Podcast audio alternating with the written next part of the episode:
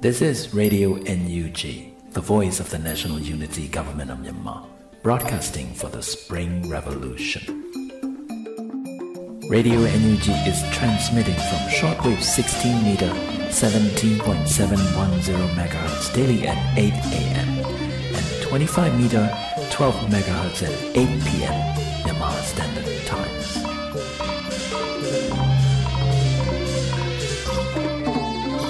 င်္ဂလာပါခင်ဗျာအမျိုးသားညီညွတ်ရေးအစိုးရရဲ့အသံလွှင့်ဌာန Radio NUG ကိုမနေ့၈နိုင်မှာ flight meter 16 meter 19.87 MHz ညဘက်မှာ flight meter 25 meter 12 MHz တို့မှာတိုက်ရိုက်ဖမ်းယူနားဆင်နိုင်ပါပြီမင်္ဂလာအပေါင်းနဲ့ပြည့်စုံကြပါစေခုချိန်ကစပြီး Radio NUG အစီအစဉ်လေးကိုဓာတ်ရိုက်အသံလွှင့်ပေးနေပါပြီ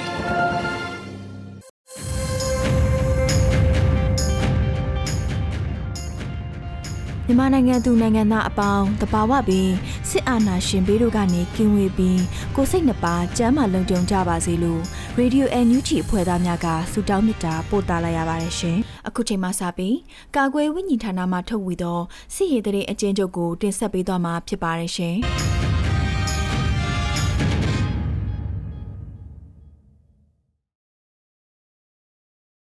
အချင်းချုပ်ကိုတင်ဆက်မှာဖြစ်ပါတယ်ကျွန်တော်ဟိန်းကိုကိုပါ စစ်ကောင်စီနဲ့တိုက်ပွဲဖြစ်ပွားမှုသတင်းများအနေနဲ့ Sky တိုင်းမှာအော်တိုဘာ28ရက်နေ့မနက်9:00နာရီခွဲခန့်ကနာမခမဗုဒ္ဓလင်မြို့နယ်သို့ထွက်လာသောစကားဆကားတစ်စီးကိုပိုးကုန်းလမ်းခွဲနီးတွင်တစ်ကြိမ်10နာရီခန့်တွင်တစ်ကြိမ်ကန်တစ်ရွာမြောက်ဘက်အောင်ချမ်းသာလမ်းခွဲနီးတွင်တစ်ကြိမ်စုစုပေါင်း3ကြိမ်တီတီပြည်သူ့ကာကွယ်ရေးတပ်ဖွဲ့မှမိုင်းခွဲတိုက်ခိုက်နိုင်ခဲ့ပြီးထိခိုက်ဒဏ်ရာရသောစကားဆများကို live trap ဖြင့်နာမခရဲသို့တည်သွားကြောင်းသိရပါတယ်။ အောက်တိုဘာ29ရက်နေ့မနက်6နာရီခန့်ကမုံရမစကိုင်းကိုလာတဲ့စကားဆကာဒီစက်တစည်းရင်နှန်းကိုဒေသခံပြည်သူ့ကာကွယ်ရေးပူးပေါင်းဖွဲ့များမှမြင်းမှုမျိုးနယ်ဘိုးမင်းကြီးကင်းရွာနှင့်ဂွေးပင်တော်ရွာကြားတွင်တစ်ကြိမ်လာကပနှင့်ဝင်းပြစ်ကြီးရွာကြားတွင်တစ်ကြိမ်စုစုပေါင်း2ကြိမ်မိုင်းဆွဲတိုက်ခိုက်နိုင်ခဲ့ပြီးစကားဆတပ်သား10ဦးသေဆုံးကလူနာတင်ကားများဖြင့်တည်ယူနေရပြီးမိုင်းဆွဲထားသောနေရာများကိုနေမြေရှင်းလင်းရန်လာသောစကားဆကား3စီးကို မနက်10:00နာရီခန့်ကမြင်းမှုမြို့နယ်ကြော့မင်းကျွာအနီးတွင်ထက်မှန်မိုင်းဆွဲတိုက်ခိုက်နိုင်ခဲ့ပြီးစကားဆတပ်သား9ဦးသေဆုံးခဲ့ပါတယ်။အော်တိုဘာ29ရက်နေ့မနက်7:17မိနစ်ခန့်ခန့်ကရွှေဘိုဘက်မှတက်လာတဲ့စကားဆကားစက်တစည်းပါရင်နှန်းကိုကမ်ဘလူမျိုးအကွင်မှာဒေသခံပြည်သူ့ကာကွယ်ရေးတပ်မှမိုင်းဆွဲတိုက်ခိုက်နိုင်ခဲ့ပါတယ်။အော်တိုဘာ29ရက်နေ့မနက်6:15မိနစ်ခန့်ကမုံရွာဘက်မှလာသောစကားဆရင်နှန်းကို စကိုင်းမြို့နယ်အုံတော်ရွာနဲ့နက်ခရိုင်ရွာကြားတွင်ဒေသခံပြည်သူ့ကာကွယ်ရေးတပ်ဖွဲ့မှမိုင်းဆွဲတိုက်ခိုက်နိုင်ခဲ့ပါတယ်။အော်တိုဘာ28ရက်နေ့ကရေဦးမှစကားဆအင်အား90ကျော်ရေဦးနောက်ဘက်ကိုခြေလင်းစစ်ကြောင်းထိုးလာပြီးမနက်၈နာရီခန့်ကချမ်းသာကျေးရွာမှပြည်သူ15ဦးခန့်ကိုမတရားဖမ်းဆီးသွားခဲ့ပါတယ်။နေ့လယ်12နာရီခွဲခန့်ကချမ်းသာရွာမှပြန်လာသောစကားဆများကိုရေဦးမြို့နယ်တန်တယ်ကျေးရွာအနောက်ဘက်တန်လန်းအနီးမှာပြည်သူ့ကာကွယ်ရေးတပ်ဖွဲ့ရေဦးနဲ့ ရေဦးပျောက်ကြားတပ် YUG မှပူးပေါင်းမိုင်းခွဲတိုက်ခိုက်နိုင်ခဲ့ပြီးစကားဆတပ်သား၄ဦးသေဆုံးက၄ဦးထိခိုက်ဒဏ်ရာပြင်းထန်ရရှိခဲ့ပါတယ်။အော်တိုဘာ29ရက်နေ့ည9:00နာရီခန့်ကစကိုင်းမြို့နယ်နက်ခရိုင်ရွာမှစပြီးပြစ်ခတ်ဝင်လာသောစကားဆကား15စီးကိုမြင်းမှုမြို့နယ်ထီးဆောင်နှင့်တိုးဂိတ်ကြားတွင်တစ်ကြိမ် မြင်းမှုမြို့ဆောင်လန်းတွင်တစ်ကြိမ်ည9နာရီခွဲခန့်ကခင်မွန်ရွာနှင့်မုံရွေးရွာကြားတွင်တစ်ကြိမ်စုစုပေါင်း3ကြိမ်တိတိပြည်သူ့ကာကွယ်ရေးတပ်မှမိုင်းဆွဲတိုက်ခိုက်နိုင်ခဲ့ပြီးစကားဆကား2စီးထိခိုက်ခဲ့ကြောင်းသိရပါသည်တနင်္သာရီတိုင်းမှာအောက်တိုဘာ26ရက်မနက်9နာရီခန့်ကပလောမြို့နယ်ဇရက်စိတ်ကျေးရွာအုပ်စုစက်တော်ရွာနှင့်တပိုကျေးရွာကြားရှိဖျားကုန်းနေရာတွင်စကားဆရင်နှန်းကိုဘလောဒေတာကာကွယ်ရေးတပ်ဖွဲ့မှမိုင်းဆွဲတိုက်ခိုက်နိုင်ခဲ့ပြီးစစ်ကား3စီးထိခိုက်ပျက်စီးကာ စကားဆတပ်သား3ဦးထက်မနည်းထိခိုက်ဒေဆုံးမှုရှိကြောင်းသိရပါသည်။မိုင်းဆွဲတိုက်ခိုက်ခံရပြီးနောက်စကားဆမှရန်တမ်းပစ်ခတ်မှုကြောင့်လူနေ6လုံးကြီးထိမှန်ခဲ့ပြီးဒေသခံပြည်သူတို့ကြီးထိမှန်ခဲ့ကြောင်းလည်းသိရပါသည်။စီရေးပြမှုမတရားဖမ်းဆီးတပ်ဖြတ်မိရှုမှုတရေများအနေနဲ့မကွေးတိုင်းမှာအော်တိုဘာ29ရက်နေ့ည10:00နာရီခန့်ကရေစကြိုမြို့နယ် မြို့ထွက်တနေရာတွင်ဆိုင်ကယ်၃စီးဖြင့်မူရစ်တောက်စားပြီးကင်းလဲနေသောစကားဆရဲတပ်သားရင်နှန်းကိုပြည်သူ့ကာကွယ်ရေးတပ်ရေစကြိုမှမိုင်းခွဲတိုက်ခိုက်ခဲ့ပြီးရဲတပ်သားတအူထိခိုက်ခဲ့ပါသည်။အော်တိုဘာ29ရက်နေ့ည9:00နာရီခန့်ကစလင်းမြို့နယ်စင်ဖြူကျွန်းတွင်ပောက်ကွဲမှုတစ်ခုဖြစ်ပွားခဲ့ပြီးနောက်စကားဆမှလူငယ်နှုတ်ကိုဖမ်းဆီးသွားခဲ့ပါတယ်။ Sky တိုင်းမှာအော်တိုဘာ28ရက်နေ့မနက်9:20ခန့်ကဒဇယ်မြို့နယ်စီးတာရွာနောက်ဘက်စကားဆမှ ရဟရင်ပေါ်မှဆက်တနက်ဖြစ်၄ချက်ရန်တမ်းပစ်ခတ်သွားခဲ့ပါတယ်။အော်တိုဘာ29ရက်နေ့ညနေ9:00နာရီခွဲခန့်ကဝက်လက်မြို့နယ်ပြည်သူ့လွတ်တဲ့ကိုယ်စားလှယ်ဦးမြင့်သိန်းအမှတ်1တိုင်းဒေသကြီးလွတ်တော်ကိုယ်စားလှယ်ဦးမမောင်ဝင်းဟေမန်တစ်ကိုပိုင်ထက်တန်းကျောင်းတန်တန်ထေးစတိုးဆိုင်နှင့်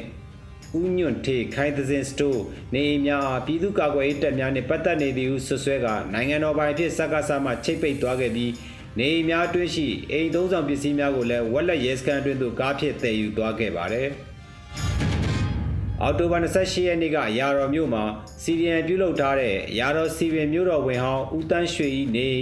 မြို့မဈေးတွင်မှကုံစုံဆိုင်လွတ်တော်ကိုယ်စားလှယ်ဦးဝနာဤနေနှင့်ကိုတူရိန်ဆိုဤနေများကိုစကားစတက်မှလာရောက်ချစ်ပိတ်သွားခဲ့ပါတယ်။မန်လေးတိုင်းမှာအော်တိုဘာ29ရက်နေ့မနက်6နာရီခန့်ကတပိတ်ချင်းမြို့နယ်ကိုးပင်ကျေးရွာမှာ ဦးစော်ဝင်းနဲ့မတ်မိုးသူတို့အားညတုန်းကအရေးကြီးပြီးတခြင်းဖွင့်မှုဖြင့်ကြာညက်ရဲကင်းစခန်းမှဖမ်းဆီးသွားပြီးကြာညက်ရဲကင်းတွင် ထိမ့်သိမ်းထားကြောင်းသိရပါဗျ။အော်တိုဘာ29ရက်နေ့နေ့လယ်တနာရီခွဲခန့်ကမရယာမြို့နယ်စလီအုပ်စုစလီတောင်ရွာနှင့်စလီမြောက်ရွာများကိုစက္ကစတက်များမှရှာဖွေမှုများပြုလုပ်ခဲ့သောကြောင့်ဒေသခံပြစ်မဲ့ရွာသားများထွက်ပြေးတိမ်းရှောင်နေခဲ့ရပါတယ်။ အော်တိုဘာ29ရက်နေ့ည9:00နာရီခွဲခန့်ကကြောက်ပတောင်းမြို့နယ်မြင်းသားတောင်ကျေးရွာသို့စကားဆတပ်သား10ဦးဝင်ရောက်လာခဲ့ပြီးဒေသခံပြည်သူများထိတ်လန့်စေရန်တနက်အချက်20ခန်းပြစ်ဖောက်သွားခဲ့ပါတယ်။ရန်ကုန်တိုင်းမှာအော်တိုဘာ28ရက်နေ့မနက်ပိုင်းကလိုင်သာယာမြို့နယ်ရန်ကုန်ပသိမ်လမ်းမကြီးဘေးပယ်ညာရှိကျူးကျော်နေအိမ်များကိုစကားဆမှဘူဒိုဇာကားများဖြင့်အဒီကရုံနေနေရေးကားများအချုပ်ကားစစ်ကားများရဲကားနှင့်စီပင်ကားများပါဝင် အမြောင်များသုံးပြုကအင်အားလုံးရင်းဖြင့်ဖြိုဖျက်နေခဲ့ပြီးဖြတ်တန်းသွားလာနေသောဆိုင်ကယ်များကိုလည်းချက်ချင်းဖမ်းဆီးခဲ့ကြောင်းသိရပါဗျ။အော်တိုဘာ28ရက်နေ့ကမြောက်ကလာပါမြို့နယ်မီတာမဆောင်သည့်နေအိမ်များကိုလျှက်စစ်ဝန်ထမ်းနှင့်ရဲများမှမီးများလိုက်လံဖြတ်တောက်နေပြီးနေ့လယ်7နာရီခန့်ကလည်းလာတာမြို့နယ်တွင်မီတာဆောင်ရန်လိုက်လံချင်းချောက်နေကြောင်းသိရပါဗျ။အော်တိုဘာ28ရက်နေ့မနက်9နာရီခွဲချိန်ခန့်ကရန်ကုန်မြို့လမ်းမတော်နှင့်အ လုံမျိုးနယ်များတွင်ရဲစီပင်နှင့်မော်တော်ပီကယ်အင်အားအများအပြားဖြင့်ပြည်သူပိုင်ပစ္စည်းများကိုဖျက်ဆီးယူဆောင်နေပြီးကျူးကျော်ဈေးဆိုင်များကိုလည်းဖျက်ဆီးမြူမနေ့ကမြို့နယ်ချို့တွင်လိုက်လံကြေညာခဲ့ကြောင်းသိရပါဗျ။ AR တိုင်းမှာအော်တိုဘာ28ရက်နေ့ကကြိုက်လက်မြို့နယ်ဖောင်ရိုးစိတ်ကျေးရွာအုပ်စုမင်းဆန်စုကျေးရွာရှိမိုင်တဲတာဝါတိုင်းပောက်ကွဲမှုဖြစ်စဉ်ကြောင့်ကျေးရွာရှိဒေသခံပြည်သူများကိုစကားစမှဖမ်းဆီးနေသဖြင့် ဒေသခံပြည်သူများထွက်ပြေးတိမ်းရှောင်နေရပါတယ်။အကွေးတိုင်းမှာအော်တိုဘာ28ရက်နေ့ညနေ9:40ခန်းကစလင်းမြို့နယ်တမာကြောင်ကျေးရွာမှာဒေသခံမျိုးသား3ဦးကိုစကားဆများမှအကြောင်းပြချက်မရှိလာရောက်ဖမ်းဆီးသွားခဲ့ပါတယ်။အော်တိုဘာ29ရက်နေ့ညပိုင်းကစလင်းမြို့စင်ဖြူကျွန်းရက်ကွက်ရွှေနဂါလက်ဖက်ရည်ဆိုင်နောက်ဖက်ရှိမွေငါးဆိုင်မှာဒေသခံပြည်သူတို့ ပိုးရှိရက်ကွက်ထဲမှာဒေသခံပြည်သူတဦးနှင့်ကြံနိုင်အောင်ရက်တောင်လုပ်ငန်းမှဒေသခံပြည်သူတဦးစုစုပေါင်း3ဦးကိုစက္ကစမှအကြောင်းမဲ့ဖမ်းဆီးသွားခဲ့ပါတယ်။မွန်ပြည်နယ်မှာအော်တိုဘာ29ရက်နေ့ည7:00နာရီခန့်ကစက္ကစထံတွင်ခံဝင်ထိုးထားသောအမျိုးသားဒီမိုကရေစီအဖွဲ့ချုပ် NLD ပါတီမှမော်လမြိုင်မြို့နယ်ပြည်내လွတ်တော်ကိုယ်စားလှယ်ဒေါ်နွယ်နွယ်အောင်ကိုမော်လမြိုင်ဈေးကျိုတောင်ဝိုင်းရက်တမာရီလန်းရှိနေအိမ်တွင်စက္ကစတက်များမှဝင်ရောက်ဖမ်းဆီးသွားကြောင်းသိရပါဗျ။ အထွေထွေသတင်းများအနေနဲ့အော်တိုဘာ28ရက်နေ့ထိပေါင်းတယ်မြို့နယ်တွင်ကြေးရွာအုပ်ချုပ်ရေးမှူးစုစုပေါင်း15ဦးနှုတ်ထွက်ခဲ့ကြောင်းသိရပါတယ်။ဟုတ်ကဲ့ပါအခုသတင်းများကိုမြေပြင်သတင်းတာဝန်ခံများနှင့်သတင်းဌာနများမှဖော်ပြလာသောအချက်အလက်များပေါ်အခြေခံပြီးပြုစုထားတာဖြစ်ပါတယ်။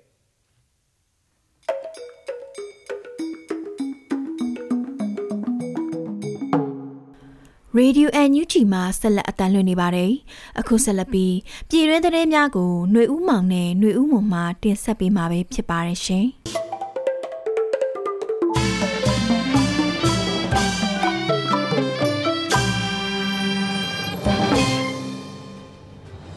အော်တိုဘာလ28ရက်နေ့ကပြည်တွင်းသတင်းများကိုတင်ဆက်ပေးမှာဖြစ်ပါတယ်။သတင်းကောင်းစင်တွေကတော့ဒေါ်လာသန်း290ရင်းနှီးမြှုပ်နှံထားတဲ့အလုံးစိတ်ကမ်းမှ ဘီလီယံနာအက်ဒနီရဲ့ Upset ကုမ္ပဏီနှုတ်ထွက်မယ်ဆိုတဲ့သတင်းဘဗိတ်မှာလေးလအတွင်းကိုဗစ်ကြောင့်သေဆုံးသူ80ကျော်အထိရှိလာတဲ့သတင်းနဲ့ကြံပါဝင်စက်မှုကုန်ကျန်း၄မျိုးကိုတရုတ်ကပြန်လည်တင်သွင်းခွင့်ပြုပြီးစီဝါကူတန်းရဲ့ခွင့်ပြုချက်စောင့်ဆိုင်နေတဲ့ဆိုတဲ့သတင်းတွေကိုတင်ဆက်ပေးမှာဖြစ်ပါတယ်။ပထမဆုံးသတင်းကတော့ဒေါ်လာသန်း290ရင်းနှီးမြှုပ်နှံထားတဲ့အလုံးစိတ်ကမ်းမှဘီလီယံနာအက်နီရဲ့ Upset Company နှုတ်ထွက်မယ်ဆိုတဲ့သတင်းဖြစ်ပါတယ်။ အိန္ဒိယဘီလီယံနာအက်နီပိုင်ဆိုင်တဲ့ Adni Group ကသူတို့ရဲ့မြန်မာနိုင်ငံကရင်းနှီးမြှုပ်နှံထားမှုကိုလာမယ့်2022ခုနှစ်ဇွန်လမှာနှုတ်ထွက်ဖို့ဆုံးဖြတ်လိုက်ကြောင်းမနေ့ကပြောကြားခဲ့ပါတယ်။မြန်မာနိုင်ငံရဲ့အခြေအနေကိုပြန်လည်သုံးသပ်ပြီးကုမ္ပဏီရဲ့ရင်းနှီးမြှုပ်နှံမှုမှထွက်ခွာမဲ့အစီအစဉ်ကိုလှုပ်ဆောင်မှုဘေးအန္တရာယ်ဆိုင်ရာစီမံခန့်ခွဲမှုကော်မတီကဆုံးဖြတ်ခဲ့ပြီး2022ခုနှစ်မတ်လမှဇွန်လအထိအပြီးသတ်ဖို့မျှော်လင့်ထားကြောင်းကုမ္ပဏီဘက်ကတင်သွင်းတဲ့စာတမ်းမှာဖော်ပြထားပါတယ်။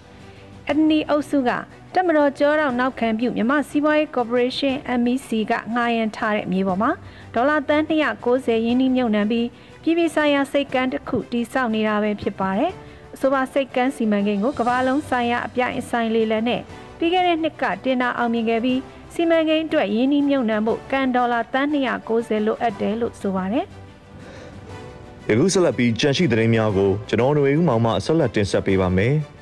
ဗိတ်တွင်ကိုဗစ်ကြောင့်၄လအတွင်းတိတ်ဆုံးသူ80ကျော်ထိရှိသွားတဲ့သတင်းကိုတင်ဆက်ပေးပါမယ်ခင်ဗျာ။ တနင်္သာရီတိုင်းဘိန်းမြို့မှာကိုဗစ်ကြောင့်၄လအတွင်းသေဆုံးသူ80ကျော်အထိရှိလာခဲ့တယ်လို့ကိုဗစ်စင်တာနဲ့ပရာဟိတအဖွဲ့တွေစီကနေသိသိရပါတယ်။ဗိန်းပြည်သူ့စေယုံကြီးရှိကိုဗစ်ကုသဆောင်မှာပြီးခဲ့တဲ့ဇွန်လ23ရက်ကနေအောက်တိုဘာ23ရက်နေ့အထိကိုဗစ်လူနာ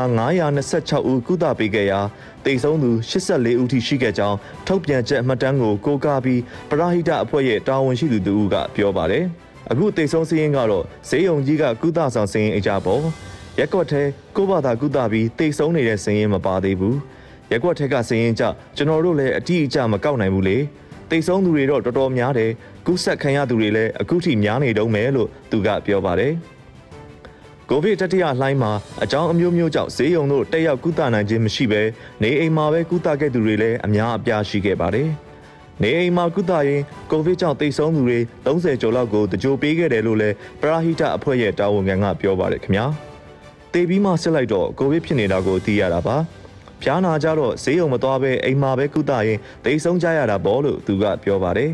ဆက်လက်ပြီးဂျန်အပါအဝင်စက်မှုကုန်ကျန်း၄မျိုးကိုတရုတ်ကပြန်လည်တင်သွင်းပြုစီးပွားကူတန်းခွင့်ပြုချက်စောင့်ဆိုင်းနေတဲ့တဲ့တင်ကိုတင်ဆက်ပေးပါမယ်တရုတ်နိုင်ငံကနေဆက်ကုန်သွယ်မှုကတဆင့်ဂျန်အပါအဝင်စက်မှုကုန်ကျန်းစိုက်ပျိုးရေးထွက်ကုန်များကိုပြန်လည်တင်သွင်းခွင့်ပြုတော့မယ်လို့ချင်းရွှေဟော်ကုန်တဲ့အသင်းကပြောပါတယ်ခင်ဗျာ။ အဆိုပါစက်မှုကုန်ကျန်းစိုက်ပျိုးရေးထွက်ကုန်များတင်ပို့ခွင့်အတွက်ရန်ပြည်အရှိမြောက်ပိုင်းနယ်စပ်ကုန်သွယ်ရေးမြို့ချင်းရွှေဟော်နဲ့နယ်နိမိတ်ချင်းထိစပ်နေတဲ့ယူနန်ပြည်နယ်လင်းချန်းခရိုင်ကုန်သွယ်ရေးဌာနဘက်ကခွင့်ပြုထားပြီးဖြစ်ပါတယ်။တရုတ်မြန်မာနယ်စပ်ကုန်သွယ်ရေးဂိတ်တွေကို COVID-19 ကပ်ရောဂါအကြောင်းပြပြီးတရုတ်ဘက်ကပိတ်ထားပေမဲ့ယခုအခါယူနန်ပြည်နယ်အစိုးရကမြန်မာဘက်ချမ်းကနေကုန်ပစ္စည်းပြန်လည်တင်သွင်းဖို့ချင်းရွှေဟော်နယ်စပ်ဂိတ်ကိုပြန်လည်ဖွင့်လှစ်ခွင့်ပြုလိုက်ခြင်းလည်းဖြစ်ပါတယ်။ တရုတ်ဘက်ကပြန်လည်တင်နှင်းခွင့်ပြုတဲ့ကုန်စည်တွေထဲမှာဂျန်၊ရာဘာ၊ရှော့ဖြူနဲ့ဝါကုန်းတို့သာပါဝင်ပြီးဖယဲတခွာစားတဲ့တီးနှံများတင်ပို့ခွင့်မရှိသေးဘူးလို့မူဆယ်နန့်ခမ်းနယ်ဆက်ကုန်သွယ်ရေးကုန်သည်များအသင်းအလုံးအမှုဆောင်တအူးကပြောပါတယ်။ပြီးခဲ့တဲ့စက်တင်ဘာလကုန်ပိုင်းမှာစကားစား၏ရှမ်းပြည်နယ်ဝန်ကြီးချုပ်အပါအဝင်စစ်အုပ်စုဘက်ကသူတွေကကိုကန့်ကိုပိုင်အုပ်ချုပ်ခွင့်ရလောက်ကင်မြို့နယ်ရန်လုံချိုင်တရားအနီးမှာနိုင်ငံယာယီနယ်စပ်ဂိတ်ဖွင့်လှစ်နိုင်မှုအတွက်နေရာတွားရောက်ကြည့်ရှုခဲ့ကြပါတယ်။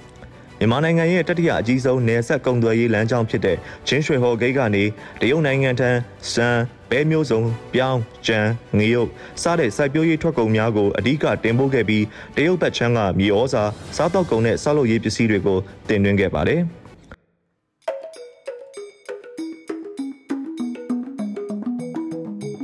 Radio NUG မှာဆက်လက်အသံလွှင့်နေပါတယ်။အခုဆက်လက်ပြီးပြည်သူတိုက်ပွဲသတင်းများကိုຫນွေဦးလင်းအိမ်မှတင်ဆက်ပေးမှာဖြစ်ပါတယ်ရှင်။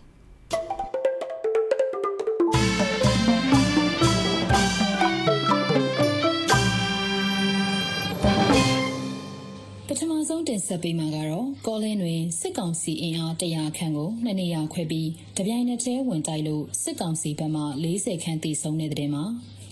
စကိုင်းတိုင်းကောလင်းမြို့နယ်မှာအော်တိုဘာလ29ရက်နေ့နနက်2နာရီအချိန်စစ်ကောင်စီအင်အား100ခန့်ကိုနှစ်နေရာခွဲပြီးတပြိုင်နက်တည်းဝင်တိုက်ရာ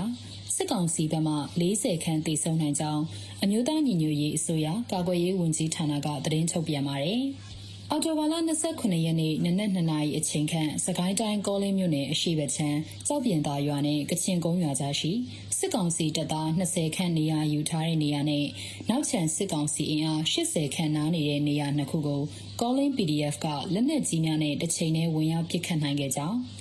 တိုက်ခိုက်ခံရမှုကြောင့်စစ်ကောင်စီတပ်သား40ခန့်တေဆုံးပြီးပြည်သူ့ကာကွယ်ရေးတပ်သားတအူးမစိုးရိမ်ရဒဏ်ရာရရှိကြောင်းသိရှိရပါတယ်။စစ်ကောင်စီတပ်ရဲ့တေဆုံးအလောင်းတွေကိုမီးရှို့တကြိုပေးခဲ့ကြောင်း Calling PDF ရဲ့ထုတ်ပြန်ချက်အရသိရပါတယ်။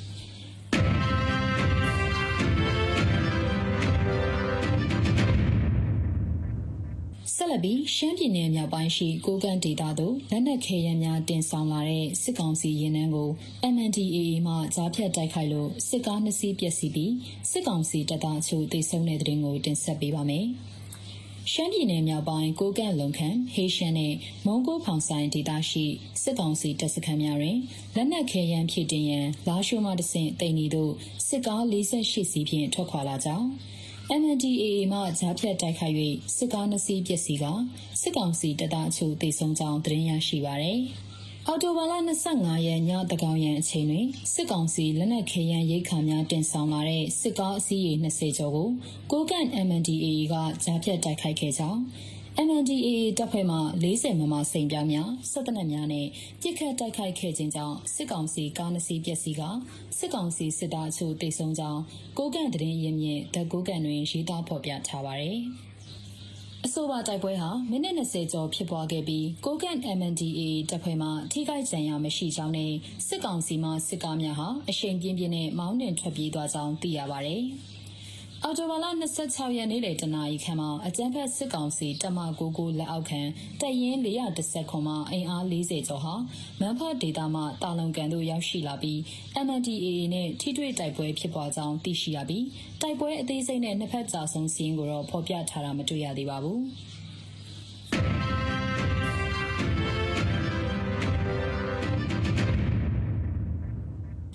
ဆက်လက်ပြီးကြိုက်ချုံမြို့နယ်အတွင်းစစ်ကောင်စီတပ်နဲ့ KNLA တို့တိုက်ပွဲဖြစ်ပြီးစစ်ကောင်စီမှ၈ဦးသေဆုံး၅ဦးဒဏ်ရာရခဲ့တယ်လို့တင်စရက်ရှိစစ်ကောင်စီမိုင်းရှင်းလရေးတပ်သား၄ဦးမိုင်းစာထိမှန်သေဆုံးတဲ့တဲ့ရင်ကိုတင်ဆက်ပေးပါမယ်။မွန်ပြည်နယ်ကြိုက်ချုံမြို့နယ်မိုးပေါင်းကျေးရွာနီးစစ်ရေးလှုပ်ရှားလာတဲ့စစ်ကောင်စီတပ်နဲ့ကရင်အမျိုးသားလွတ်မြောက်ရေးတပ်မတော် KNLA တပ်မဟာ1တပ်ရင်း3တပ်ခွဲ1တပ်ခွဲတို့ အော်တိုဘာလ29ရက်နေ့နက်မှာထိတွေ့တိုက်ပွဲဖြစ်ပွားပြီးစစ်ကောင်စီဘက်မှ10ဦးသေဆုံးက9ဦးဒဏ်ရာရသွားကြောင်း KNU တပ်မဟာ1ထံမှသတင်းရရှိပါရယ်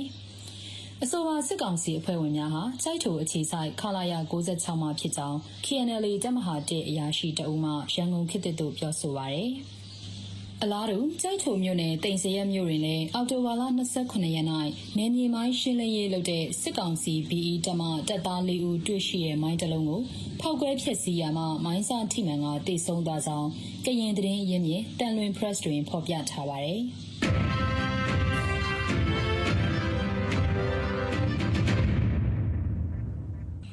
မုံရွာမန်းလေးလမ်းမှာစစ်ကောင်စီရင်နှံထက်မှန်မိုင်းဆွဲခံရပြီးစစ်ကားနှစ်စီးပျက်စီးတဲ့တဲ့ရင်ကိုဆက်လက်တင်ဆက်ပေးပါမယ်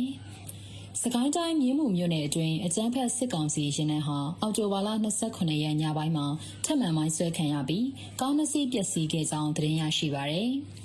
ရွှေဘုံမြို့မှတဆင့်မုံရွာမြို့သို့ထွက်ခွာလာတဲ့15စီးခန့်ပါတဲ့စစ်ကောင်စီရင်နှန်းဟာစကိုင်းမြို့နယ်နက်ခရိုင်ရွာဝင်ကလေးကတနက်များပြစ်ဖောက်ကဖျက်တမ်းခဲ့ပြီးမြင်းမှုမြို့နယ်မြို့ရှောင်းလမ်းမှာတစ်ကြိမ်ထီးဆောင်ရွာအနီးမှာတစ်ကြိမ်မိုင်းဆွဲခံရပြီးစစ်ကားနှစ်စီးပျက်စီးသွားကြောင်း Ghost Team Ranger MMU နဲ့မြင်းမှု PDF တပ်ဖွဲ့များမှသတင်းထုတ်ပြန်ပါတယ်။ မုံရွာမြို့မှရွှေဘိုမြို့ဘက်သို့ထွက်ခွာလာတဲ့စစ်ကား73စီးပါစစ်ကောင်စီရှင်နှံအောင်မြင်းမှုမြို့နယ်အတွင်းမဟာမိတ်ပြည်သူ့ကာကွယ်ရေးတပ်ဖွဲ့ခုနှစ်ဖွဲ့မှအော်တိုဘာလ29ရက်နေ့နက်ပိုင်းမှာမိုင်း၃ချိန်ဆွဲတိုက်ခိုက်ခဲ့ပြီးစစ်ကား၃စီးပျက်စီးကစစ်ကောင်စီတပ်သား15ဦးခန့်တိုက်ဆုံခဲ့ပြီးရွှေဘိုမှမုံရွာသို့ပြန်လာတဲ့စစ်ကောင်စီရှင်နှံဟာညပိုင်းမှာနှစ်ကြိမ်ထပ်မံမိုင်းဆွဲခံခဲ့ရခြင်းမှာ မုံရွာမြို့ရင်းမှာလည်းစစ်ကောင်စီတပ်ဆွဲထားတဲ့နေရာ၃နေရာကိုဒေသကာကွယ်ရေးပူးပေါင်းအဖွဲ့တွေကမိုင်းဆွဲတိုက်ခိုက်ခဲ့ပါသေးတယ်။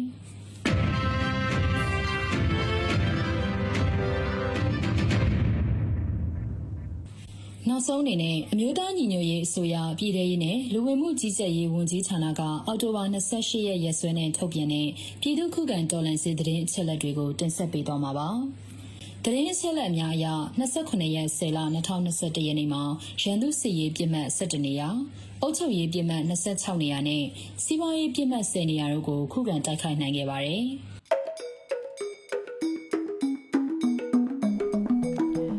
ရေဒီယို NUG မှာဆက်လက်အတန်းလွှင့်နေပါတယ်။အခုဆက်လက်ပြီးနေ့စဉ်သတင်းများကိုမတ်ထထအင်ဒရာအောင်မှတင်ဆက်ပေးသွားမှာဖြစ်ပါတယ်ရှင်။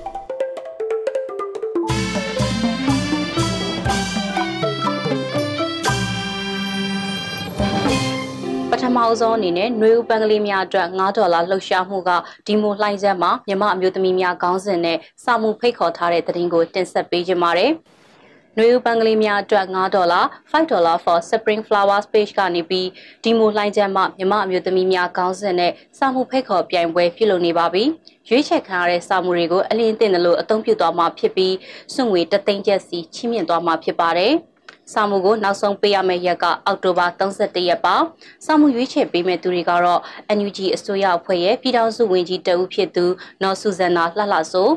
စာရေးဆရာကိုမင်းကိုနိုင်စာရေးဆရာမခင်နှင်းကြည်သား အမျိုးသမီးရေးတက်ကြွလှုပ်ရှားသူတွေဖြစ်တဲ့ခေါင်တွေဦးလီဆာမွန်နဲ့ Skype တို့ပါဝင်မှာဖြစ်ပါတယ်။စာမှုဖတ်မဲ့အဖွဲ့ဝင်တွေဟာဖော်ပြပါစီမင်းစည်းကမ်းချက်တွေနဲ့ကိုက်ညီမှုစာရေးသားပြည့်ပြည့်ကောင်းမှုမှုစိတ်ကူးညံကွန်မြူမှုထိရောက်သောသတင်းစကားပေးနိုင်မှုစတဲ့အချက်တွေပေါ်အခြေပြုပြီးတော့ဖတ်ရှုရွေးချယ်သွားမှာဖြစ်တယ်လို့လည်းသိရပါတယ်။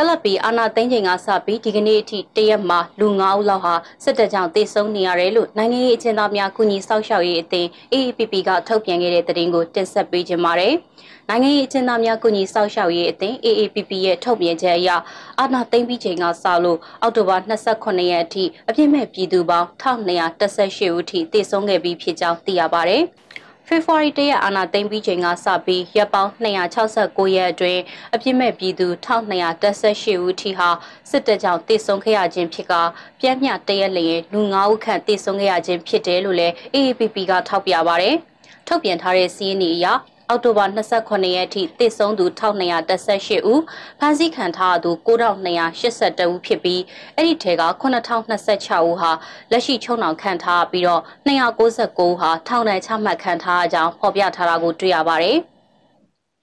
ဆွစ်ဇာလန်နိုင်ငံအခြေစိုက် Insecurity Insight American အခြေစိုက် Physician for Human Rights PHR နဲ့ တက္ကသိုလ်ပြည်သူ့ကျန်းမာရေးနဲ့လူအခွင့်အရေးဌာနတို့ရဲ့စုပေါင်းထုတ်ပြန်ချက်အရဆိုရင်မြန်မာနိုင်ငံအတွင်းအာဏာသိမ်းပြီးချိန်ကစလို့ကျန်းမာရေးဝန်ထမ်း29ဦးသေဆုံးခဲ့ပြီး210ဦးဖမ်းဆီးခံရကကျန်းမာရေးလုပ်ငန်းပေါင်း298ခုထိတိုက်ခိုက်ခံခဲ့ရကြောင်းလည်းသိရပါဗျ။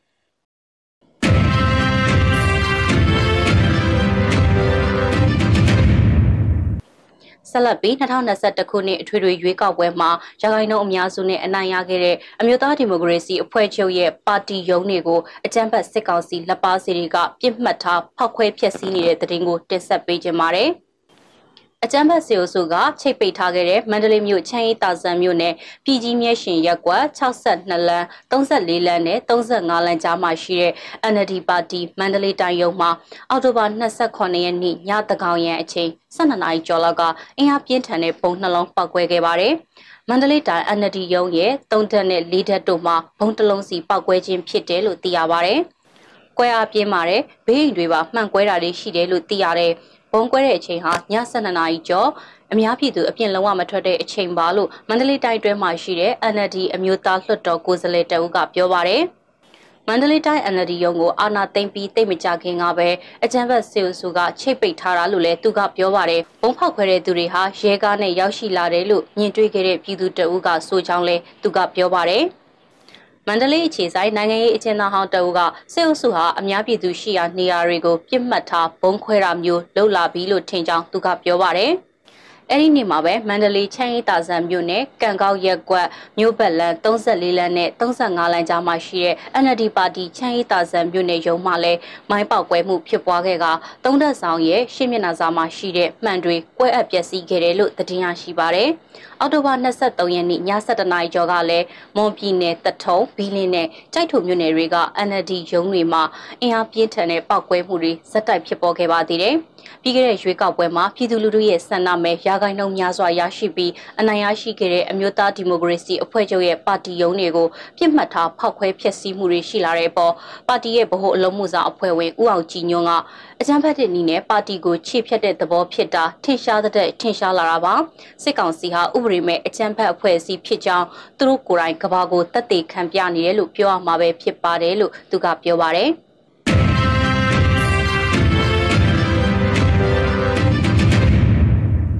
မြန်မာနိုင်ငံဒီမိုကရေစီလမ်းကြောင်းပေါ်ရောက်ရှိရေးအမေရိကန်အနေနဲ့ဒီဇိုင်းမမတ်လှုံ့ဆော်သွားမယ်လို့အမေရိကန်အမျိုးသားလုံခြုံရေးအကြံပေးဂျိုက်ဆူလီဗန်ကပြောကြားလိုက်တဲ့သတင်းကိုဆက်လက်တင်ဆက်ပေးပါမယ်။မြန်မာနိုင်ငံကိုဒီမိုကရေစီလမ်းကြောင်းပေါ်ပြန်လည်ရောက်ရှိရေးနဲ့နိုင်ငံသားတွေရဲ့လူအခွင့်အရေးတို့အတွက်အမေရိကန်အနေနဲ့ဒီဇိုင်းမမတ်လှုံ့ဆော်သွားမှာဖြစ်တယ်လို့သတင်းစာရှင်းလင်းပွဲမှာအမေရိကန်အမျိုးသားလုံခြုံရေးအကြံပေးဂျိုက်ဆူလီဗန်ကပြောကြားလိုက်တာပါ။ မြန်မာပြည်သူတွေအတွက်မြန်မာနိုင်ငံအတွင်းဒီမိုကရေစီလမ်းကြောင်းတစ်ခုအတွက်ဘေးကင်းလုံခြုံမှုအကာအကွယ်အတွက်ဒီနိုင်ငံကနိုင်ငံသားတွေရဲ့လူအခွင့်အရေးအတွက်ကျွန်တော်တို့အနေနဲ့ဆက်လက်ပြီးဒီဇိုင်းမမတ်အာရုံစိုက်သွားမှာဖြစ်ပါတယ်လို့အမေရိကန်အမျိုးသားလုံခြုံရေးအကြံပေးဂျိုက်ဆူလီဗန်ကပြောပါတယ်အမေရိကန်အာဆီယံထိပ်သီးအစည်းအဝေးပြီးပြုလုပ်ခဲ့တဲ့သတင်းစာရှင်းလင်းပွဲမှာသူကအခုလိုထည့်သွင်းပြောကြားခဲ့တာပါ။ သမရာကြီးဘိုင်ဒန်ဟာအမေရိကန်အာဆီယံထိပ်သီးဆွေးနွေးပွဲမှာပါဝင်ဆွေးနွေးခဲ့ပါတယ်ပြီးတော့အာဆီယံကလည်းဆက်အာဏာရှင်ခေါင်းဆောင်ကာကွယ်ရေးဦးစီးချုပ်ကိုပါဝင်တက်ရောက်ခွင့်ညှင်းဆိုခဲ့ပါတယ်တမရာကြီးပိုင်တန်ကလည်းအာဆီယံအနေနဲ့သူတို့ရဲ့သဘောတူညီချက်9ရက်နဲ့ပတ်သက်ပြီးဘယ်လိုရှေ့ဆက်လုပ်ကြမလဲဆိုတာကိုအာဆီယံနဲ့ဆွေးနွေးပြောဆိုညှိနှိုင်းခွင့်ရခဲ့ပါတယ်လို့ဂျိုက်ဆူလီဗန်ကပြောပါတယ်။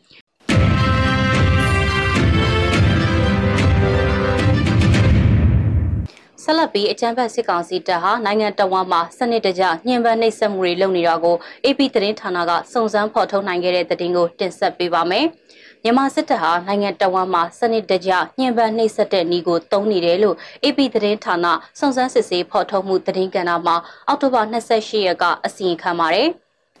မြန်မာစစ်တပ်ဟာဖေဖော်ဝါရီလအာဏာသိမ်းပြီးကတည်းကနိုင်ငံတော်မှာဖမ်းဆီးထိန်းသိမ်းခံတွေကိုနီလန်တကြားနဲ့စနစ်တကျနှိပ်စက်နေခဲ့တယ်ဆိုတာ AP သတင်းဌာနစုံစမ်းစစ်ဆေးချက်တရက်အရတွေ့ရှိထားတယ်လို့ AP နဲ့နိုင်ငံတကာမီဒီယာတွေကပြောပါတယ်။ခြေလက်ဒေတာကစစ်သားတွေဟာလူငယ်တယောက်ရဲ့အရေးပြားကိုပလာယာနဲ့ညှက်လိမ်ပြီးအသက်မရှူနိုင်တော့တဲ့အထိရင်ဘတ်ကိုကန်ခဲ့တယ်။ရင်နာလာတဲ့အထိမိသားစုကိုပုတ်ခတ်ခဲ့ရပြောဆိုခဲ့တယ်လို့ နှိစက်ခံလူငယ်ကိုကိုကာပြီး AB သတင်းဌာနကအစီရင်ခံပါတယ်။ AB သတင်းဌာနဟာဖမ်းဆီးထိန်းသိမ်းခံရပြီးလက်တော်မှပြန်လွတ်လာတဲ့လူ28ဦးကိုလူတွေမေးမြန်းခဲ့တာပါ။ဓာတ်ပုံသက်သေတွေပုံချမ်းတွေနဲ့စာရီအပြင်လက်တလုံးမှာဗတ်ပြောင်းသွားတဲ့စစ်ဘက်အရာရှိ၃ယောက်ရဲ့ထွက်ဆိုချက်တွေအရလူရောက်9000ကျော်ကိုထိမ့်သိမ်းထားတဲ့လျှို့ဝှက်ဖမ်းဆီးထိမ့်သိမ်းတဲ့စနစ်ကို AP သတင်းဌာနရဲ့စုံစမ်းစစ်ဆေးမှုကဖော်ထုတ်နိုင်ခဲ့တယ်လို့ AP ကပြောပါတယ်။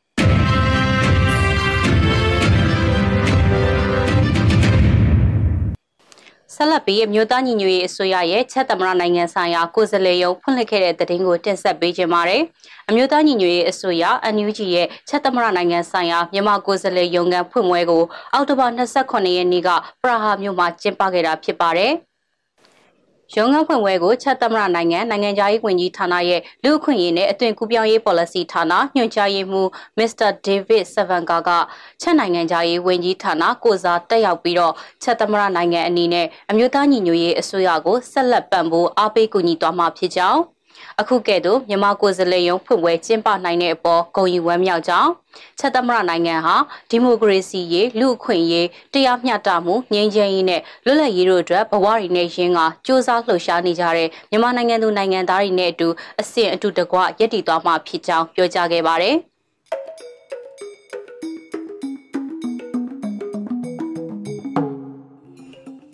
ဒီကနေ့တော့ဒီညနဲ့ပဲ Radio NUG အစီအစဉ်လေးကိုကိတ္တ ရန်နာလိုက်ပါမယ်မြမစံတော်ချိန်မနေ့၈နာရီညနေ၈နာရီတို့မှာပြန်လည်တွေ့ဆုံကြပါစို့ Radio NUG ကိုမနေ့၈နာရီမှာ flight meter 16 meter 19.87 MHz ညဘက်မှာ flight meter 25 meter 12 MHz တို့မှာတိုက်ရိုက်ဖမ်းယူနားဆင်နိုင်ပါပြီမြန်မာနိုင်ငံသူနိုင်ငံသားများကိုစိတ်နှပြချမ်းမာချမ်းသာလို့ဘေးကင်းလုံခြုံကြပါစေလို့ Radio NUG အဖွဲ့သူဖွဲ့သားများဆုတောင်းပေးလိုက်ပါတယ်။အမျိုးသားညီညွတ်ရေးအစိုးရရဲ့ဆက်သွယ်ရေးသတင်းအချက်အလက်နဲ့ဤပညာဝန်ကြီးဌာနကထုတ်လွှင့်နေတဲ့ Radio NUG ဖြစ်ပါတယ်။ San Francisco Bay Area ခြေဆိုင်မြန်မာမိသားစုများနဲ့နိုင်ငံတကာကစေတနာရှင်များလှူအားပေးများရဲ့ Radio NUG ဖြစ်ပါတယ်။အရေးတော်ပုံအောင်ရမည်